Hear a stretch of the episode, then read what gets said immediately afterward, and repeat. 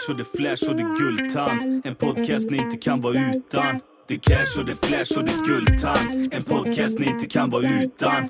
Välkomna tillbaks till Guldtands podcast. Hoppas ni har det fett bra så här vid lunchtid. Eh, Ni har blivit varma i kläderna inför arbetsdagen. Eh, idag ska vi göra ett specialavsnitt, det brukar jag säga ofta, men idag är det verkligen special special. Vi ska göra ett avsnitt som heter Ung bakom galler med min svåger Marcus. Så jag hoppas ni kommer eh, tycka detta är underhållande och framförallt intressant. Avsnittet gör vi i, alltså för att varna unga människor för att inte hålla på med droger, alkohol och sen inte blanda antidepressiv medicin med alkohol. För det är då du får minnesluckor och begår brott som kan vara så allvarliga att det förstör hela ditt liv. Eh, Min svåger är dömd för dråpförsök, bilstöld, hot mot tjänsteman och grov rattfylla. Och detta ska vi gå igenom nu hur det blev så här. Så håll ut, nu kör vi! Tjena Marcus, välkommen in i studion. Tjena tjena. Lite special, vi umgås ju så att eh, vi har ju bara gått ner en våning och satt oss och gjort ett avsnitt. Jajamän. Men allt är bra med dig? Jo, jo, det är bara fint. Ja. En jävla trevlig kväll igår. Ja, absolut. Vi var och handlade en sån här spelstol igår eh, som man kör till P- PS4 med ratt och pedaler och sen så köpte vi en sån här JBL eh, högtalare, Partybox 1000. Jajamän. Körde lite ljusshow och hade spelkväll. Men skitsamma, det blir sent men här är vi. Idag ska vi göra ett avsnitt om dig. Eh, ung bakom galler och bom skulle jag säga, men eh, något sånt. Jajamän. Du hamnade ju lite fel i livet eh, där för länge sedan. Helt rätt. Ja. Och hur gammal är du idag? 27. 27. Och idag har du kommit på fötter fast du fick en eh, jävligt hård eh, lärdom om man säger så. Ja, jo. Ja. Men vi börjar så här, eh, vart är du född? I Uddevalla. Ja, är du uppvuxen här? Ja. Hur har din barndom varit tycker du? Den har ju varit eh, väldigt stökig kan Ja. man säga. Eh, började med i tidig ålder med droger. Eh, Vad var det för men droger man började med? Det var både röka och amfetamin. Röka då, det är hasch då eller? ja. När man säger röka... Det kan vara både hasch och gräs. Ja, marijuana, det kan vara vilket som. Ja. Eh, Jag tänker på det, du är uppvuxen med min svärmor och min fru och Jajamän. min svägerska. Ja. ja, fy fan, och levt med de två. Jävla fan. skap. Nej då, fy fan jag skojar bara. Nej men, eh, hur började, hur såg din skolgång ut? För jag vet ju att du, min svärmor var ju ensamstående med E3. Ja, Men ja. eh, hur såg din skolgång ut från eh, det unga? Jag var inte så skolintresserad och väldigt stökig. Mm. Eh, har ju ADHD, eller ADD, det är någon av de två. Ja, Eh, Så jag hamnade i en sån parallellklass typ med sådana elever som de inte ville ha i skolan för att man var bråkig och liksom ja, satte en penna i ryggen på min lärare och så liksom typ. okej. Det, det har varit hetsigt. eh, Satte en penna i, högg du med en Ja. penna i ryggen och så fastnade den? Ja, nej inte fastna men eh, Ja, du bara Ja. högg till. Ja. Så någon speciell anledning? ja, för mig att hon typ eh, sa någonting till min polare typ så jag reagerade starkt på så när hon gick förbi då så kom jag upp bakom och så satte den då i ryggen. Ja, Efter okej. det så hamnade jag i en specialklass. Hade du redan börjat med droger på den här tiden? Nej inte då. Nej. Då var jag bara ja, lätt aggressiv. eh, Typ. Vad var detta för, kommer du ihåg vilken klass det var i? Jag tror det var i ettan kanske, jag inte minns helt fel. Så, På grundskolan? Ja. Jävla tidigt. eh, Ja, det, det är tidigt. Ja. Eh, Ja, redan där hade du lite drag då av eh, aggressivitet. Mm. ja, Så redan alltså på grundskolan så känner du att eh, det funkar inte i skolan liksom överlag? nej jag var inte intresserad för fem öre. Eh, Liksom. Och, Kan det ha då med dina diagnoser att göra så att säga? ADD eller ADHD? Ja, mycket möjligt kanske. Vet du vad det är för skillnad på de två eller varför finns det två? Ja, ena är att det är hyper. Ja. Hyper svårt att sitta still och det var jag väl lite i början, Mm. alltså när jag var yngre. Men sen så gjorde jag en diagnos eh, sen, i senare tid. Mm. Och då visade det sig att jag hade ADD, men det kan ju ha varit att hyperaktiv- hyperaktiviteten har gått ner typ. Kan. För idag, eh, du och jag, när vi spenderar tid ihop idag, Mm. då eh, får jag ingen eh, inblick av att du skulle ha någon av de diagnoserna. Jag tycker inte du är hyper idag. Nej, nej, Men du medicineras inte idag va? nej, inte i nuläget men håller på att få, få medicinerna. Ja. Eh, ja, men skoltiden går. Du, du går igenom, man går ju ettan till trean på grundskolan. Ja. Hur känner du att eh, detta påverkar dig hemma med dina syskon och eh, din mamma? Är din, är din mor med på att du har det lite svårt i skolan? Ringer skolan hem eller? Nej, de gjorde inte det så mycket så det var rätt speciell klass jag var i så när jag började femman så kunde jag inte ens stava mitt namn för att vi ja, ville inte vara på lektionerna typ, säg matte, engelska eller sådana saker. Mm. Då kunde det gå och sitta och spela data till exempel. Det var mycket utflykter typ och sådana saker. Så att, och, ja, en unge i den åldern kanske inte är så intresserad i Nej, sådana nej. lektioner typ.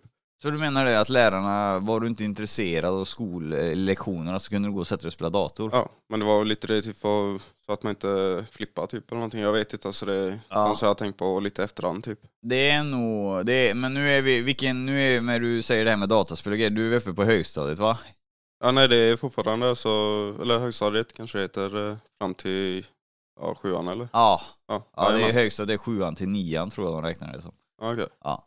För, eh, när hamnar du i den här parallellklassen som du säger? Hur lång tid, i- vet du vilken klass du går i? Det var nog i ettan fram till femman så flyttade jag ut till farsan sen. Ja. Eh, ute på Orust då. Ja, Eh, och det var då jag började få hjälp eh, på riktigt då, som är typ riktiga sådana parallellklasser, typ alltså mindre klassrum med mindre elever. Ja. Typ, eh, så jag började lära mig typ från grunden när jag flyttade ut. ja okej.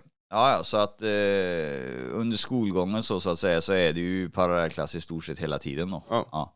Men att sätta en unge i parallellklass, eh, det krävs väl en diskussion med föräldrarna eller eh, det meddelar de ändå eller? Jo, jo, det, det tror jag. Vad, jag tänker på eh, min kära svärmor då, vad, eh, hur tog hon det här hemma och sådana grejer? Vad, vad pratar ni om hemma och hur? Jag kommer inte riktigt ihåg men jag tror hon tog det ändå rätt bra för det kändes väl typ som att jag skulle få hjälpen så som det var tänkt då typ. Ja, Men sen kanske hon inte visste om då hur eh, lektionerna var typ på dagarna liksom. Så hon trodde väl att jag fick hjälp då men ja. egentligen inte fick det då. Jag kan tänka mig att hon hade också mycket att göra för att eh, dina två systrar är också två dominanta kvinnor som Ja. är rätt bestämda av sig. Så att eh, eh, det kan inte varit lätt att ha haft alla er under eh, samma tak. Ja nej det tror jag inte. Nej. Så, ja, skitsamma. Vi studsar upp. Vi är på, vi är på högstadiet. Eh, när kommer din första drog in i livet och hur presenteras den för dig? Eh, Det var, ja jag har för mig att jag var runt eh, 10-årsåldern när jag började. Tio år? Ja. Ja, fan. Och det var ju det, alltså jag umgicks ju med äldre elever och sånt då. Mm. Typ eh, så här eh, likasinnade så att säga. Så presenterade de då till exempel amfetaminet och sa det, alltså tar du detta så blir det lite mer normal och typ lugn i klasserna typ. Och det var ju lite det att man ville passa in, typ alltså inte vara så här stökig och sådana saker.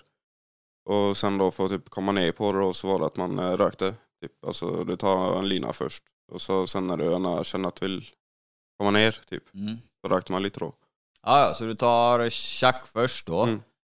Vad gav det nu igen? Det, gav, eller gav, det gjorde dig lugnare då? Ja, jajamän. för jag hör att det diskuteras mycket om folk som har ADHD och vissa diagnoser. Mm. De medicineras med en medicin som typ innehåller tjack eller liknande Ja, med syntetiskt amfetamin. eh, har jag Ja, hört. ja, syntetisk amfetamin, ja. Ja. finns en medicin. Det är väl de här Retalin och de här eh, Ja. medicinerna, det är Ja. väl syntetisk amfetamin. Ja. Ja. Sen kan du få starkare efter det och sånt också då liksom. Det är vilken grad man har eh, Ja. diagnosen då. Jag vill bara dra en liknelse för dig idag. Mm. Eh, du var tio år när du provade ditt första amfetamin och Mm. rökte eh, Mm. gräs då, marijuana eller hasch eller vad fan det var. Mm. Eh, du är ju farbror till en av mina pojkar. Ja. Han är 11 idag. Eh, Nu när du träffar han idag, kunde du tänkt dig för ett år sedan att han skulle börjat med amfetamin? Nej alltså, jag vet ju att det har varit skit för mig. Ja. Så att säga typ. Och, Ja, alltså, det är duktigt. Det är, alltså, jag vet inte fan, alltså, det är typ världsrekord. Alltså, det är nästan, jag har aldrig hört tidigare att en tioåring har börjat. Jag vet Jaha. att eh, nu i vissa eh, grupperingar och grejer så är de väldigt unga nu när de börjar. Det vet jag. Mm. Men eh, på den tiden så var det nog fan med världsrekord. Eh, Alltså ja, ett jävligt dåligt världsrekord. Men det är tidigt. Du ser ju, Ja. tänk, tänk Ja. när han kommer hem här. Ja tjena, jag får spela Fortnite. Tänk om han kommit hem och du, får kolla först så du inte har tagit något amfetamin här. Fan vad Mm. konstigt det hade känts. Ja, det hade alltså, varit behöva kontrollera det alltså på en eh, 10-11-åring liksom. Mm, jo men det hade varit väldigt hemskt. faktiskt. Ja. Men du är igång då med amfetamin och röka redan vid 10 års ålder. Och vad först och främst då, de, de här äldre säger ju till dig att du ska bli lugnare på lektionerna och det ska bli. Blir det bättre? Är det någonting som fungerar för dig tycker du? Ja, alltså det stämmer väldigt bra. Alltså under hela typ skolgången efter jag började så typ alla mina prov som gick bra på, då var jag påtänd. Okej. Så jag blev mer fokuserad och lite mer sansad typ. Ja. Nu tipsar vi absolut inte att det är Ja, nej, någonting inte. man ska prova eller något sånt utan eh, det är ju hans eh, liv som vi speglar nu och då måste vi gå igenom sådana här punkter. Eh, men jag tänker på det, ja ja, då är du igång på den grejen. Vad, vad händer hemma? Är det någonting som familjen räknar ut eller? Det tog tid. eh, Jag tror första gången de menar, började misstänka det var i sjuan. När någon kompis i min kompiskrets då Mm. hade ringt till föräldrarna och sagt det då. Men då kunde jag dribbla bort det typ. Och, ja. Sen kom det i nian igen. Mm. Eh, och samma person antagligen som ringde. Eh, och då började jag komma med tester och sånt och sen åkte jag in på ungdomshem då. Ja, ja, men det, det, det är ju en bit igen. Då, det, vi benar ut det lite. Någon person har angett det innan, då kunde du Mm. dribbla bort det. Mm.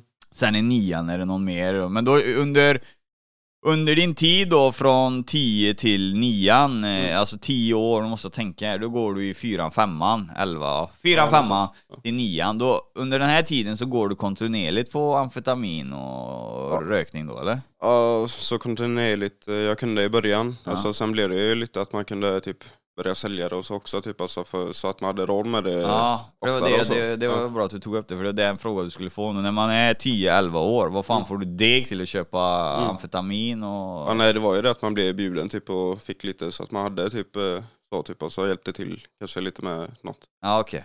Det är alltså en form av... eh, Ja, du eh, slickar röv på de äldre som alltså liksom... Ja, teoretiskt Det är som säga. en hierarki liksom. Ja. Ja, men då är vi med. Men i nian så brister din eh, funktion, du, familjen blir lite mer eh, vaksamma då. Mm. Ja, Vi var ju ändå så hemma hos din farsa igår och käkade Mm. lite och grejer och han sa ju det, han berättade ju lite där att eh, det var ju ett helvete på den här tiden. Så då, där kommer de på dig mer eller mindre då. Mm. Vem beslutar att du ska börja göra pisseprov och vad gör du dem?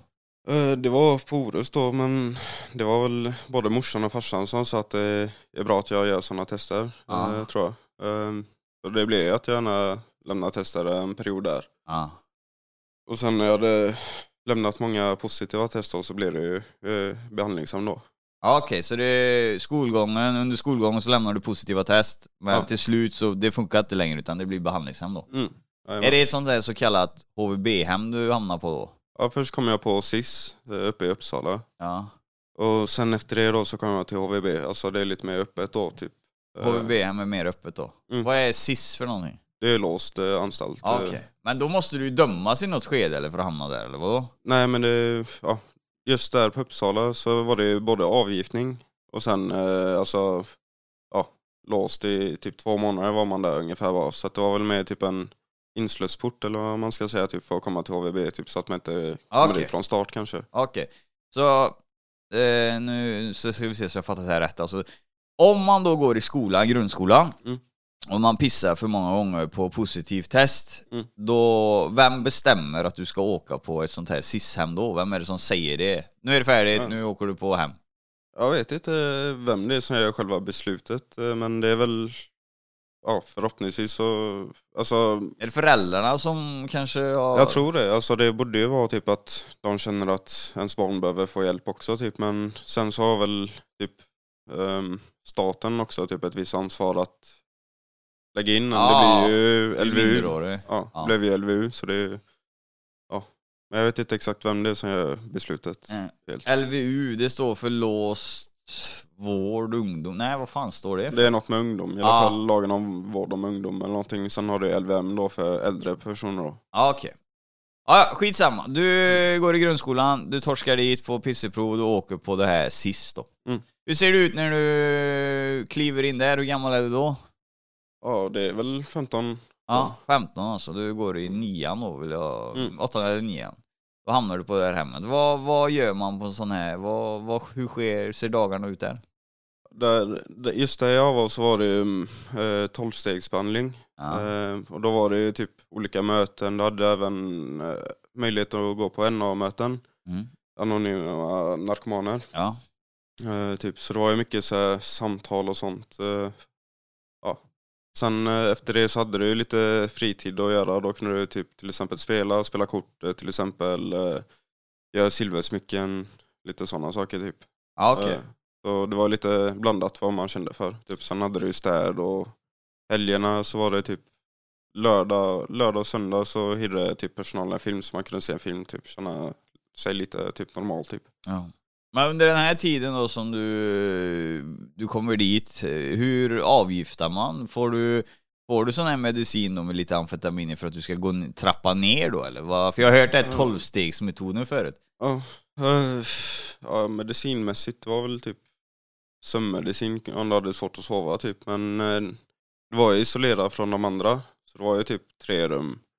Så satt man ju där och typ stort sett inte gjorde så mycket typ. Alltså du kollar film typ bara härda igenom typ. Ja. Alltså ja, perioden som du har droger i kroppen då typ. Så att denna kommer Men ut. fick du umg- umgås med de andra grabbarna eller tjejerna? Ja, där? eh, de som var på avgiftningen då så Ja. hade man tur då så var det två extra som var på av, avgiftningen då. Ja. Så, men det var ju typ kolla film eller spela kort typ.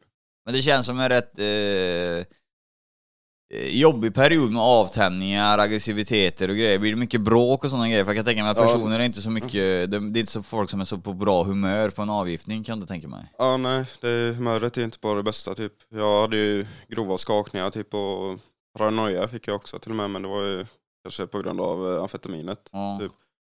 Så jag mådde inte direkt helt hundra och ja, det blir ju bråk alltså. Man går ju varandra på tårna till slut också. Ingen vill ju egentligen sitta där frivilligt om man inte gör beslutet själv då.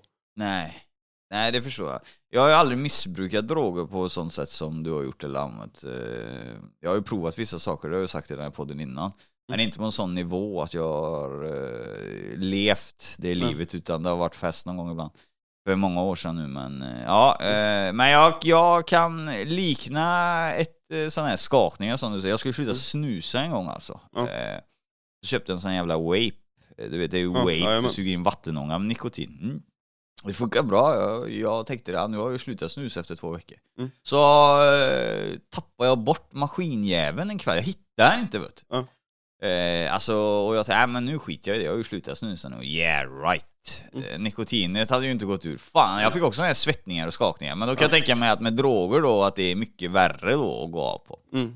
Ja, det var ju helt eh, onödig information. Men jag tänker så här. Din familj då under tiden, min svärmor och eh, din far. Vad, hur känner de under den här tiden för dig känner du? Men när jag satt, Ja, innan det, för det, det måste ju vara en jävla jobbig period för dem med. De ska skicka sin unge på hem liksom. ja, Försökte de styra upp dig med det, men du sket i det bara. Du körde ditt race med droger och grejer. eller? ja det var ju det alltså. De var ju rätt o, ovetande så att säga i början, alltså innan det här med testerna kom då. Mm. Typ, så att jag var ju mycket ute på kvällarna typ, eh, vi säger när morsan sov så smet man ut typ och så var man ute typ eh, halva kvällarna typ. Ja, Sen kom hem eh, någorlunda tid typ så att man ändå var hyfsat fräsch i skolan, tog en lina innan typ så att man ändå var ja, pigg typ. Så, att, ja. så det var ju ja, rätt stökigt så att säga. Dina andra familjemedlemmar, dina systrar, visste de om eh, hur ditt liv såg ut? Inte helt typ. Jag har fått känslan av det att eh, du och eh, min fru och min andra svägerska Mm. eh, Ni umgicks i helt olika kretsar. Du umgicks i en krets, min fru i- umgicks med sina vänner och eh, min svägerska, som vi, vi behöver inte nämna några namn här, eh, Mm. umgicks eh, i sin. Ja. Ni, så ni, ni umgicks aldrig ihop. ni, ni, Det känns inte som ni satt hemma någon gång och käkade popcorn och chips typ och tittade på film typ. Nej, inte så mycket. Det var väl när jag var yngre typ. Ja, Eh, Men sen eh, alla gick ju åt skilda håll typ så sett men ja. Ja. Nej, nej. Men eh, hur som helst så tyckte nog dina föräldrar att det var tragiskt det, det här som var på väg att ske. Mm. Mm. Men vi är på inskolningen, eh, inskolning skulle jag säga, vi är på det här förhemmet till HVB. Mm. Hur länge är du där innan de flyttar dig till HVB-hem? Två månader. Två månader? Ja. Sen är det dags att patrullera eller eh, marschera till eh, ett HVB-hem då? Ja, då åkte jag till Borås, var där eh, en period. Sen efter det så åkte jag till ja, nära Färgelanda tror jag det var. Okej. Eh, Så, här, så jag har varit lite här och där. Den jävla hålan, det kan väl inte hjälpa några människor att bo där uppe? kollar vi på ljudteckningen och skrattar. Han ska flytta dit. ja. Eh, nej men eh, då går vi igenom HVB-hem lite. Vad är, vad är det för skillnad på ett HVB-hem och det är SIS då? Ja, eh, HVB och så, så det, det kan ju vara på öppet. Ja. Att säga, typ, så du har permission hem till exempel. Mm. Eh, kunde få åka in till stan. Lite sådana saker. Har du med dig någon då? Är det någon som är med? Nej, inte första gången hade man, hade man ju med personal när man typ åkte hem. Ja. Eh, Samma när man var i stan första gången typ. Sen så hade du ju lite mer fria tyglar om du skötte det då. Så kunde du gärna vara ute på stan, fick även träna. Typ, eh, och sånt då, om du hade något intresse för typ, ja det är kampsport till exempel då. Mm. Jag tränade lite boxning och sånt då. ja. Men vi är fortfarande på det här eh, HVB-grejer. Du- Det är fortfarande så att det är ingen dom som ligger mot dig, utan det här är bara för att du är minderårig. Ja det är LVU. Ja. Ja. Ja. Men jag, jag, jag så jävla svårt, LVU, alltså det här är det vi måste bena ut här som jag Mm. tror du missförstår.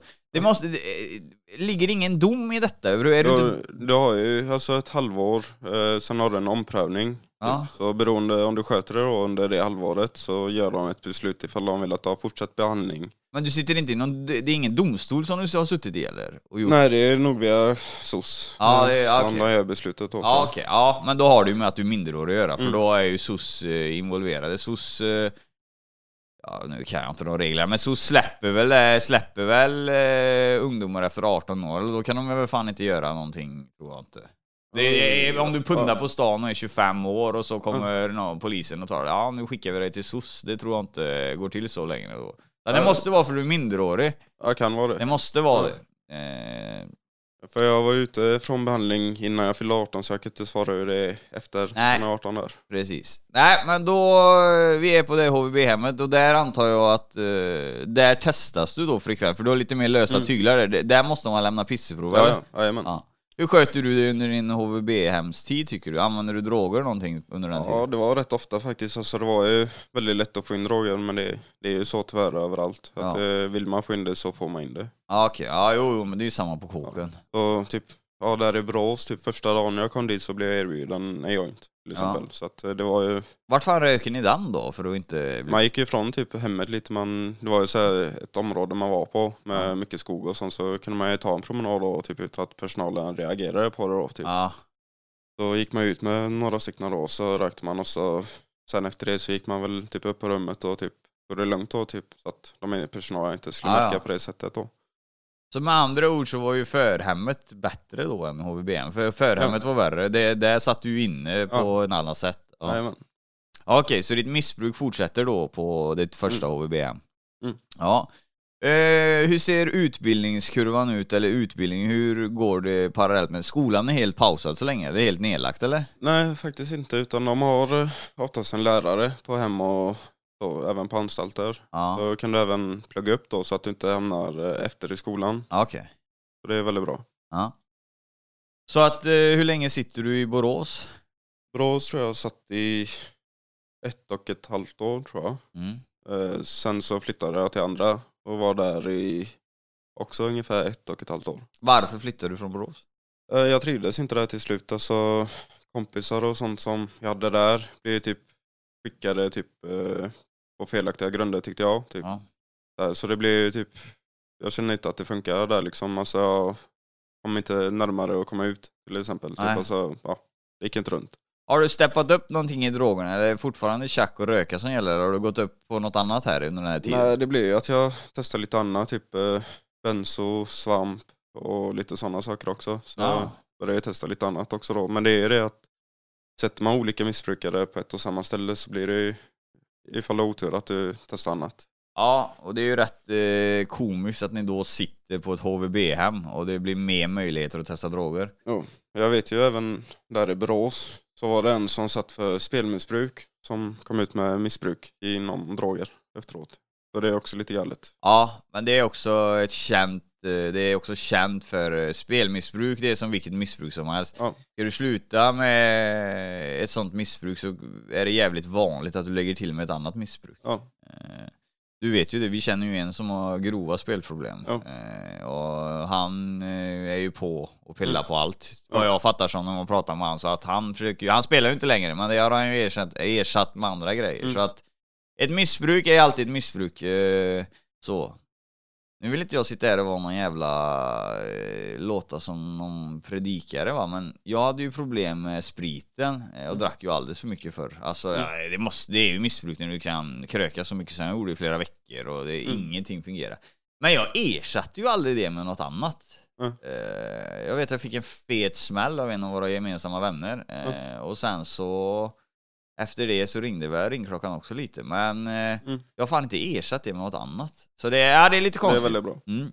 Ja, men eh, HVB-hem, eh, hur, eh, och det, det blir lite andra droger och grejer, men jag tänker på de här, eh, lite psykologsnack och såna här grejer med på såna här ställen, för det kan väl inte bara vara att ni sitter där och inte gör någonting, utan det, det måste väl finnas ett schema, det måste väl finnas Ja. en plan? Ja nej, där var det ju typ, just i Borås då så var det ju typ, det fanns väl möjlighet att prata med en psykolog om du ville. Ja, Men en dag såg ut typ så att eh, du gick i skolan fram till fyra. Ja. Eh, om du inte ville gå i skolan då så hade du ju typ utesysslor du kunde gö- göra då. ja okej. Du kunde välja lite där så det var ju lite mer anpassningsbart typ så att säga typ men jag kommer inte helt ihåg ifall alla var tvungna att gå i skolan först eller om man typ kunde dela upp det. Eh, förhoppningsvis så var det ju så att alla var tvungna att gå i skolan då eftersom man inte Ja. annar efter då. Det är lite rörig tid för dig, du, använder, Ja, du kommer inte ja. ihåg riktigt för Nej, du går inte fortfarande på droger. Ja. ja. ja, men du flyttar därifrån av missnöje i alla fall. Ja. Vart hamnar du då? Där vid Färgelanda ungefär. Ja, just det. Ja. Men det är samma rutiner där, det är bara att det är ett hem och det är samma rutiner med personal fast det är lite nytt folk då. Ja. Hur upplever du miljön där då mot Borås? Eh, Den var ändå mer bekvämare för då var jag ändå närmare hemmaplan så att Ja. säga typ. Så att, eh, och då var jag lite äldre. Så då kunde jag gå i skolan ute så jag gick inte i skolan på hemmet. Nej. Så då åkte jag iväg liksom på morgonen och kom tillbaka efter skolan då. Eh, Ja. sätt. Så det var ja, bättre för mig typ. Då kunde jag ändå vara med kompisar och sånt som jag hade liksom på utsidan då. Ja. Hur går det med drogerna i Färgelanda? Det var ju också rätt stökigt också faktiskt. Men det Ja. var ju det alltså under den tiden jag gick på hem så ville jag egentligen inte sluta med drogerna. Nej.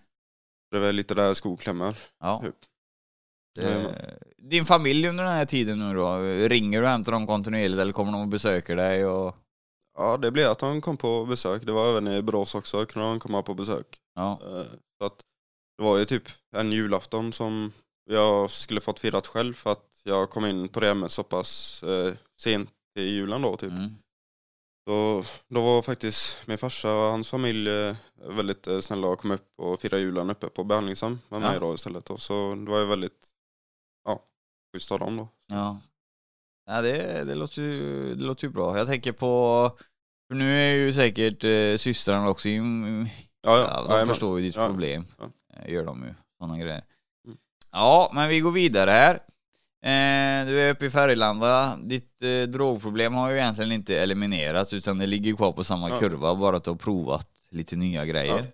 Men det är ändå så dags snart, ja för en misslyckad utskrivning får man ju kalla det för. De har ju inte Ja. blivit av med drogproblemet men du ska fortfarande skrivas ut. Ja. Vet du varför du ska skrivas ut? Och, Det var ju det att jag typ visade framfötterna på det sättet så att jag inte blev upptäckt typ på Ja. pisseproven och sådana saker då. Mm.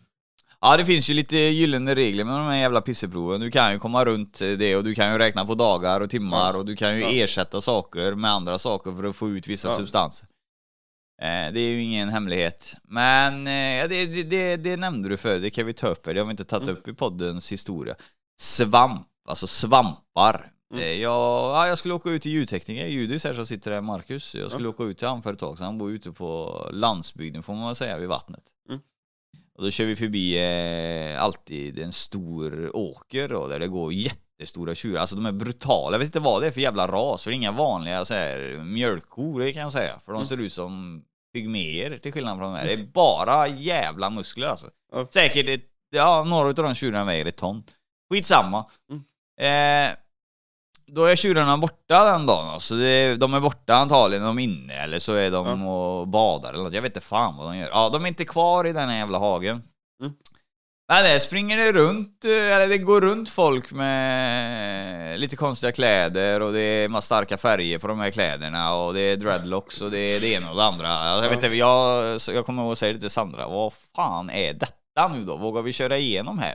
Ja. Det var de höll på med någon så här, Jag vet inte vad det var, traditioner, ja, ja det såg så jävla konstigt ut. Men då eh, såg jag det, då gick de ju kors och tvärs över Mm. den här eh, också. Jag stannade och pissade och stod och tittade på de här och då böjde de sig ner. Mm. Då var de där eh, ute, för jag sprang ut och tittade sen då. Då, då, då hade de ju plockat, för då såg jag ju det att det var plockat. Då hade de plockat då svampar då. Jajamän. Jag hittade en svamp som växte där. Mm. Och den har jag googlat på och tittat på. Det är toppisar kallas de. Ja. Det var sådana jag testat. Ja. Vad är, eh, enligt eh, internet med toppisar så ska de här kokas ur, eh, stämmer det eller? Ja, det kan man säkert göra. Alltså, det var ju det, det var ju en kille som var insatt på typ svampar och sånt på det hemmet. Ja. Så bad jag han då fixa några sånt då när han var på permission. Mm. Eh, och då kunde du torka dem kunde du göra på något sätt där så att de var lite lättsmältade att få ner typ eller vad man säger. ja. Är de goda? Alltså de smakar ju rätt speciellt men alltså det går ju ner. Har du alltså, ätit kantarellerna? Det har du ätit med mig va? Ja det tror jag. Smakar det samma eller? Ah, inte riktigt typ alltså men det är ju samma konsistens typ. Ja, alltså, så sätt. Men eh, ja, de smakar inte dåligt gör de inte. Nej. Har du slickat på en flugsvamp någon gång? Nej det har jag faktiskt inte gjort. Det kanske är en myt det där. För det ska, inte. de gjorde ju det, de gör ju det i sådana här stamfilmer, slipper, det är säkert andra eh, flugsvampar då. Men det ska ju fungera tydligen. Men ja, tillbaka till de här svamparna då. Ja. Eh, toppisar heter de ju. Är det lagligt eller? Det tror jag inte. Eller alltså det är ju, det är ju en drog i, i sig. Typ, Ja, alltså. fast det växer i svenska kohagar då. Så att Ja. eh, plockar du fel svamp då så har du risk att du blir dömd för olaga narkotikainnehav då. ja, jag vet dock inte om de visas på testerna. Det, jag är osäker på det. Kanske, jag vet, ja. Tydligen så är det ju olagligt eller något problem med tanke på att din, eller han som satt för det, eller vad det är då, satt just för ja han tog i annat också. Ah, okej, men- ja, ja. mm. Vad blir det för, eh, vad blir det för effekt på såna här svampar då? På dem, för mig så blir det, jag hade hoppats på typ få hallucinationer Mm. och sådana saker då. Men det blir gärna mer typ en må bra-känsla typ. Mm. Alltså, jag kommer ihåg den eh, tillfället typ. Kändes som man var i en bubbla typ och innanför den bubblan så var allting skitbra typ. Och först ville man typ att alla skulle vara i bubblan. Typ. Okej. Eh, Låter jävligt eh, skevt. Ja, men det- eh, sen eh, senare så blev det typ att man blev lite mer ego. Typ att man inte ville att någon skulle vara i den bubblan utan det var ens egna space typ. Alltså, men du mår, man mår väldigt bra på dem typ. Okej. Det betyder ju väl att det är något endorfinpåverkande substans i dem. Jag vet inte Ja, fan. mycket möjligt.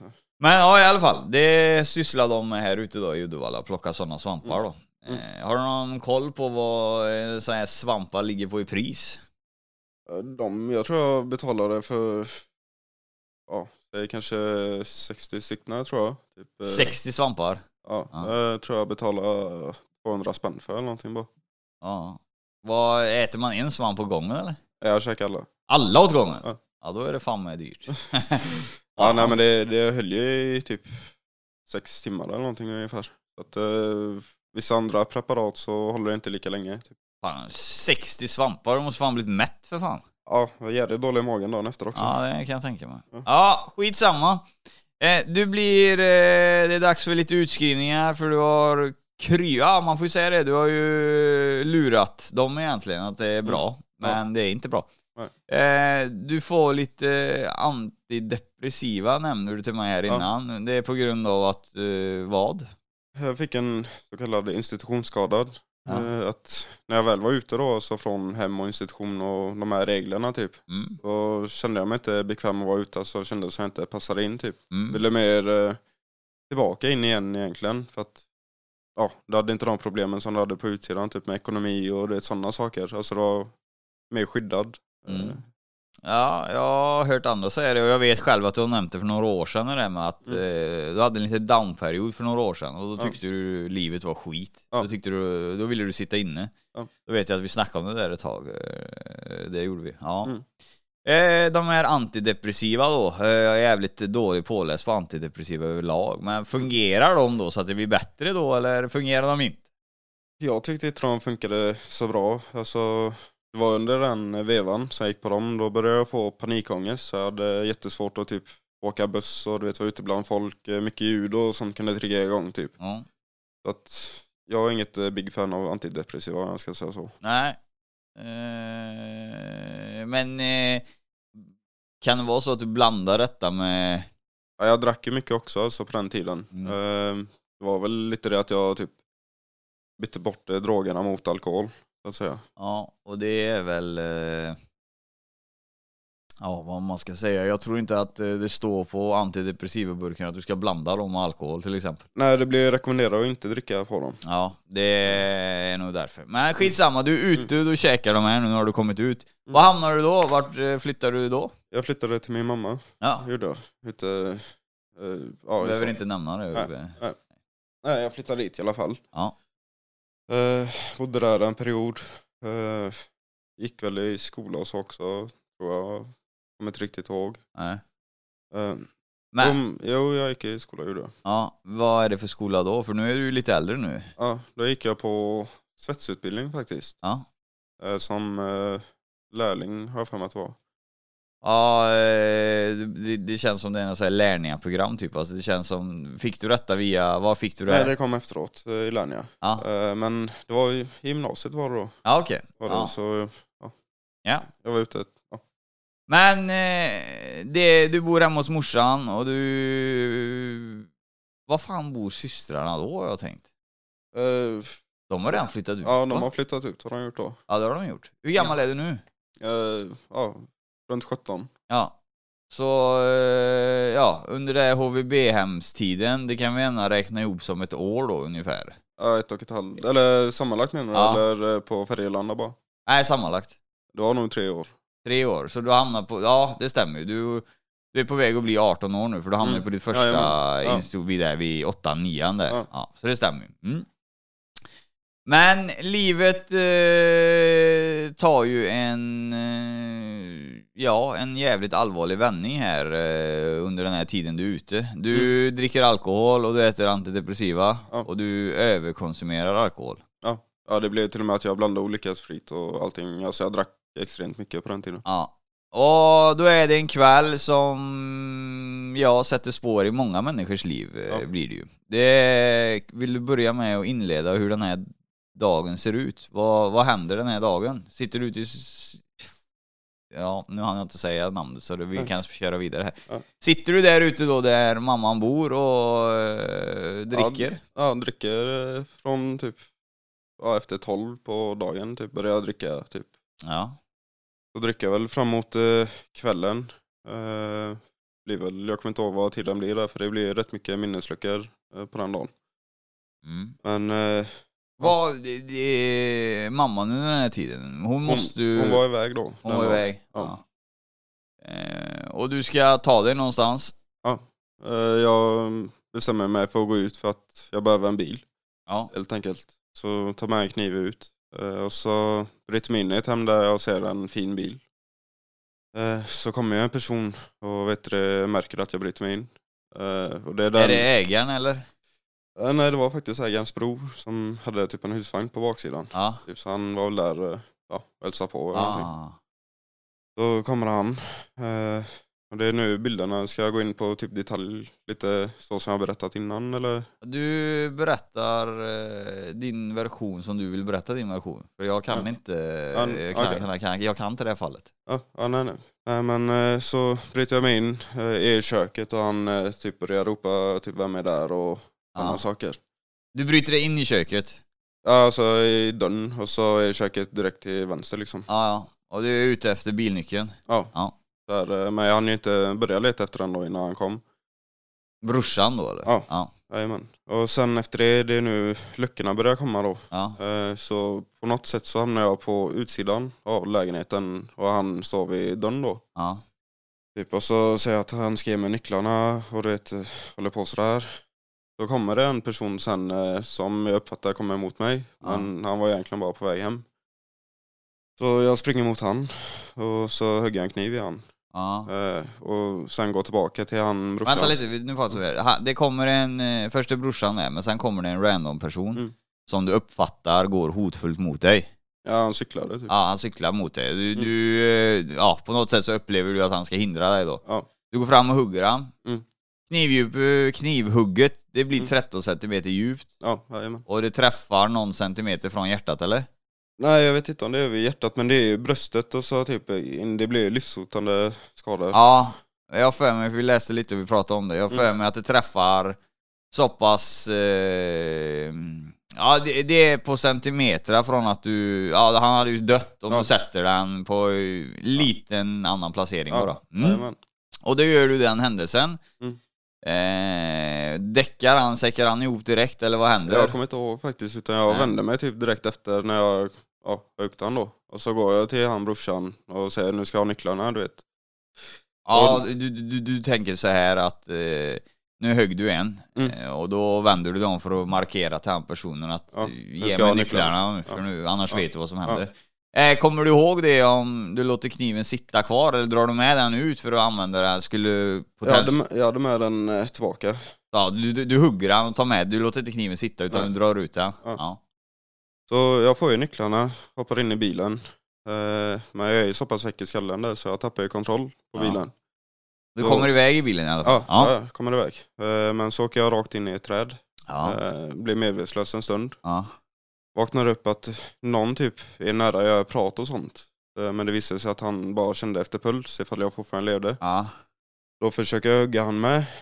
Och så blir jag utdragen ur bilen då och sen blir jag gripen när polisen kom. Ja, polisen kommer, men ehm, den placeringen där du är på den här platsen, Mm. som jag vet om, det, det måste ta en stund innan de kommer. De Ja. kan inte vara där på direkten, men Nej. de håller fast dig då. Ja, alltså det kommer ju massa folk för de börjar höra att det är någonting galet Ja. ute då. Så det var ju ja, kanske tio pers som var runt typ. Så de höll ju ner mig på backen då tills alltså, jag kunde inte röra mig överhuvudtaget. Nej. Då kom ju polisen sen. Ja, och då grips du på plats. Mm. Eh, domen kommer ju bli då dråpförsök, bilstöld, hot mot tjänsteman, grov rattfylleri. Mm. Ja. Eh, antagligen tar de dig inte på antidepressiva för du har receptbelagt på dem. Ja. Eh, för jag tror antidepressiva går som narkotikabrott om du har sådana på dig utan recept. Tror jag. Ja, okej. Jag tror det. Mm.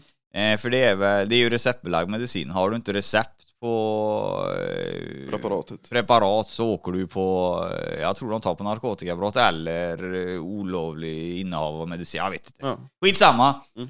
Eh, snutarna då, eh, de plockar med dig eller? Ja. Sitter du häktad fram till... Eh, Ja, sitter i häkte och så. Eh, Ja, först här eh, i- vid Uddevalla då. ja. Sen blev jag flyttad till Göteborg. Men innan det så var jag på Alminogatan en period i några dagar. Vad är det för någonting? Det är alltså typ häktet, eh, typ, eller vad man säger. Alltså, Är det här eller? nej, Göteborg. Ja, okej. Göteborg. Ja. Eh, De har ju lagt ner det nu som tur är. Eh, hur får du, jag, jag vill sätta mig in i det här nu för nu känner vi så pass bra så jag vill fråga lite eh, Hur känner man när man vaknar upp? Från eh, alkoholen är borta, antidepressiva är borta, du vaknar upp och du får reda på att du har nästan huggit ihjäl en kille. Mm. eh, Bilstöld och sådana grejer, det är ju en annan sak, vi, det, det kan vi skita i. Eh, eh, Hur känner du, hur känns det i kroppen när någon presenterar för dig? För jag antar att snuten presenterar för dig att Mm. du sitter här häk, Häktad. häktad, Ja. misstänkt för dråpförsök. Ja. Hur, vad, vad säger kroppen då? Alltså det kändes ju overkligt i början Ja. eftersom, ja precis när jag liksom vaknade upp då när vakten kom och öppnade dörren liksom du vet. Ja, Så fick jag ju liksom allting tillsagt. Jag bara, men det här kan inte stämma liksom. Typ, för då hade jag inte så mycket det. Det har ju kommit. efter. Ja. ja. Så här, men man såg ju sig i spegeln liksom och så jag var ju helt sönderdriven. För i början där när jag gick för att ta, ja, de tar ju kort på en och tar fingeravtryck och sådana saker då. ja. Så frågade han liksom, har du bråkat med en gräsklippare? Typ. Jag bara, vad fan menar du? Typ. Så här, och då såg jag, då var jag helt sönderdriven i ansiktet och sådana saker då. ja. Kan ju vara från glassplittret från Ja. för det känns ju inte som att du hade säkerhetsbälte på dig. Nej. Ja, i alla fall. Så eh, det här tar ju lag. Du sitter häktad fram till dom eller? Ja. Vad nu då med eh, min svärmor och din far? Vad, eh, när får de träffa dig första gången eller har de kontakt med dig? Det tog en stund faktiskt. Jag vet att där när jag satt på Alminogatan och så, så bad jag dem så kan ni bara i alla fall ringa vet, till föräldrarna så att de vet vart jag är någonstans. Ja. Typ. Jag tror det tog två veckor innan de fick reda på vart jag ens var. Ja, Sen efter det så blev det ju, ja, efter restriktionerna släpptes och sånt, det var då som jag typ kunde börja kontakta dem. Mm. Och det var ju vid sommartid ungefär. Så att eh, det var ju typ tre månader utan kontakt, ungefär något sånt. Ja. Så, men efter det så kunde du köpa telefonkort eh, på anstalten då, som det heter. Och då kunde du ringa ett visst antal minuter. Ja, men nu spolar vi, nu spolar vi jävligt fort, nu är vi på Mm. anstalt. Jag tänker på häktet, vet du hur länge du sitter häktad ungefär? Ja, runt tre, fyra månader kanske. Tre, fyra månader. Ja. Du sitter fram till domstolen. Ja. Så eh, stort sett egentligen är så träffar du, träffar du inte familjemedlemmar någonting under din häktestid eller? Ja, nej nej. Nej, Alltså, men de är med i rättegången eller? Farsan var med. Ja, okej. Mm. Eh, för jag vet det, jag vet jag pratade med min fru om det och jag vet ju att eh, de blir hemringda den dagen när det Mm. presenteras för dem vad Ja. du har gjort så ringes familjen hem och så Ja. berättar man då vad, vad, vad, vad som har skett. Mm. Ja, men då kommer vi till eh, rättssalen. Mm. Eh, och där yrkar de för som sagt dråpförsök, bilstöld, hot mot tjänsteman och grov rattfylla. Hot mot tjänsteman, är det någonting som du kommer ihåg vad du gjorde för att de lägger in den här punkten? Uh, alltså jag fick det tillsagt till mig typ, men det var ju att jag typ hotade dem och deras familj och sådana grejer typ. Alltså jag Ja. var helt skogstokig. Ja, typ. det var helt skogstokigt.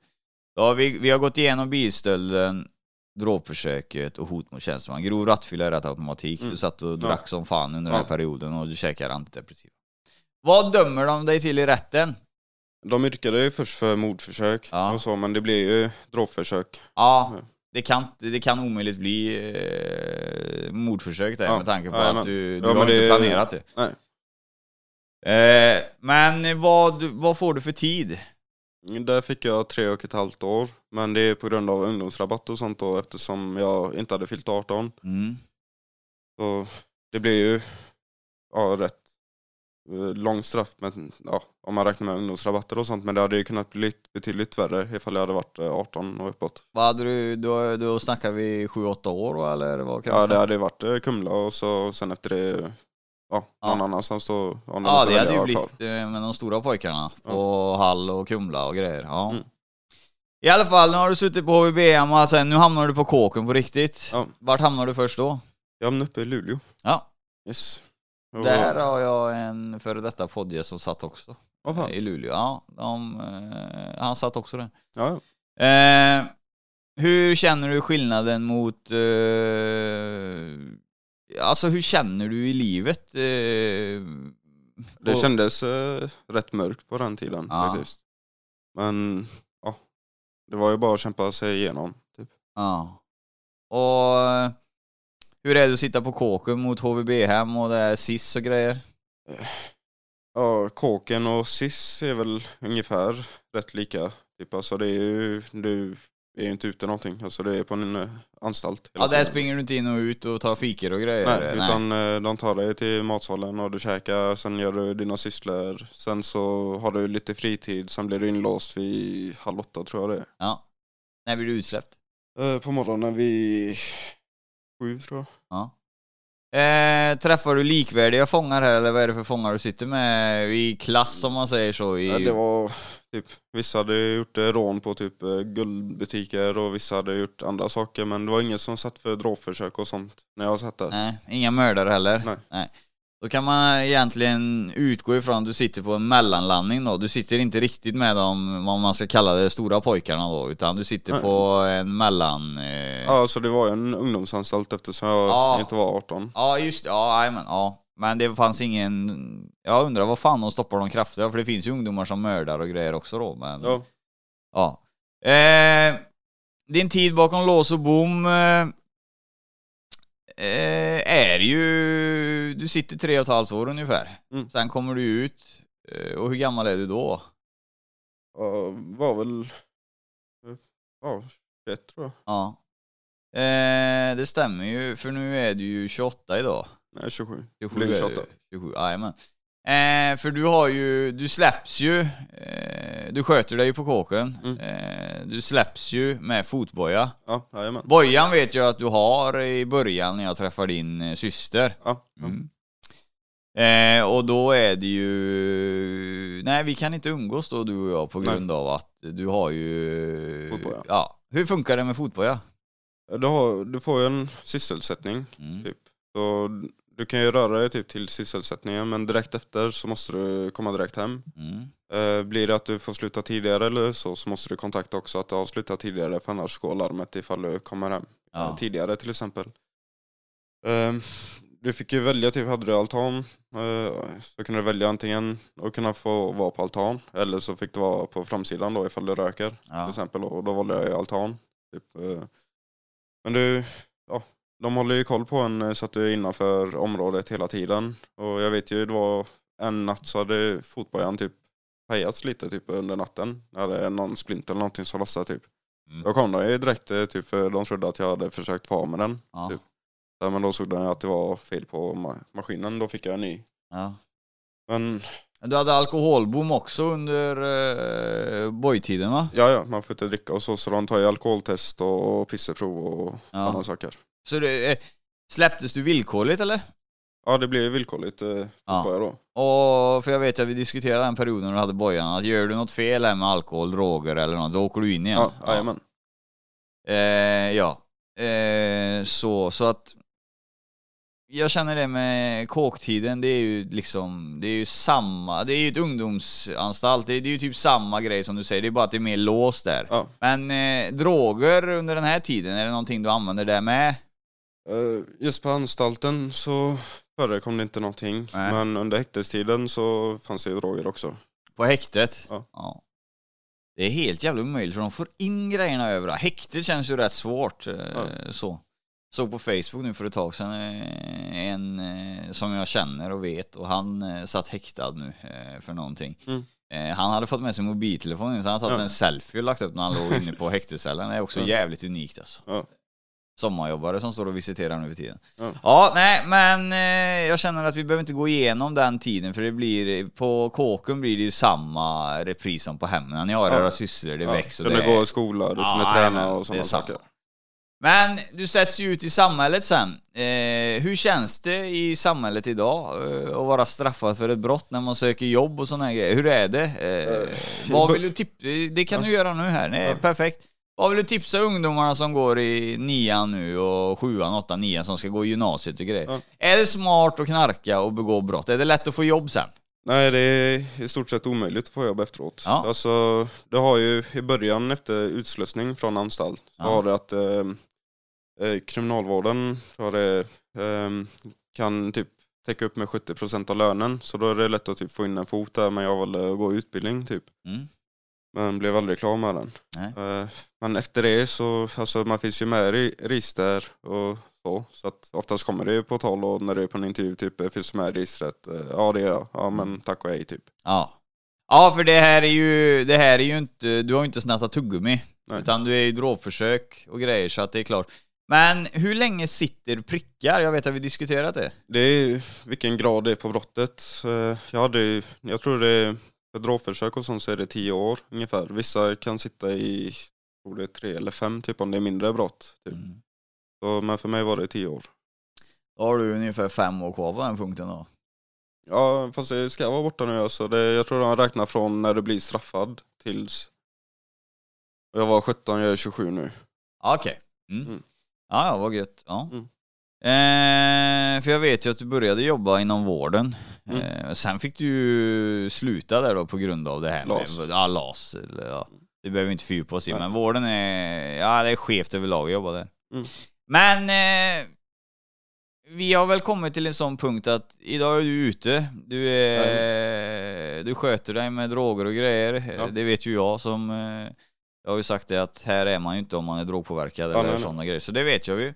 Att du sköter och ingen alkohol heller så att eh, jag känner att du har fått en vändning på livet men du fuckar ju upp totalt i början. Det Ja, ja. går ju inte att säga det min allt. Men grejen är ju det att eh, idag har du svårt att få jobb eh, så att eh, jag vill, eh, ni som lyssnar på detta nu, eh, fan tänk på det. Använd inga droger och gör inte massa skit för det förstör alltså hela folks, det folk säger till er när ni går i skolan eller eh, ute på stan och ni lyssnar på någon. att Det är faktiskt så, gör ingen jävla skit för det kan jaga er 20 år efter liksom när ni ska söka jobb och huslån och allt möjligt grejer. Ni, ni får inte möjlighet till någonting liksom. Så håll er på banan och det har vi bevis på det här Marcus, så, Ja. att, eh, så ser det ut.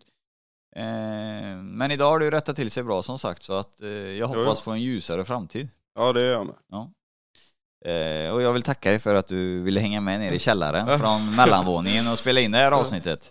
Ja nej tack för att jag fick vara med. Ja, eh, och det var bra att få lite utbildning, mycket grejer som man inte visste om där och... eh, Nej, lycka till i framtiden. Tack så mycket. Det här var alltså avsnittet som ung bakom galler med min svåger Marcus. Eh, och jag hoppas ni har tagit lite lärdom av detta och eh, utbilda folk i att ge fan i droger och såna här grejer. För när du petar i dig tillräckligt mycket och blandar med alkohol och grejer, då har du ingen kontroll själv, kontroll själv sen, utan det liksom försvinner. Du kommer inte ens ihåg vad du har gjort och det är då det blir jävligt farligt. Ha det bäst från Alex Gultan, vi hörs nästa måndag och som vanligt följ mig på Instagram, ett Gultans podcast, dela och sprid podden så kämpar vi på. Tjena! Gultan.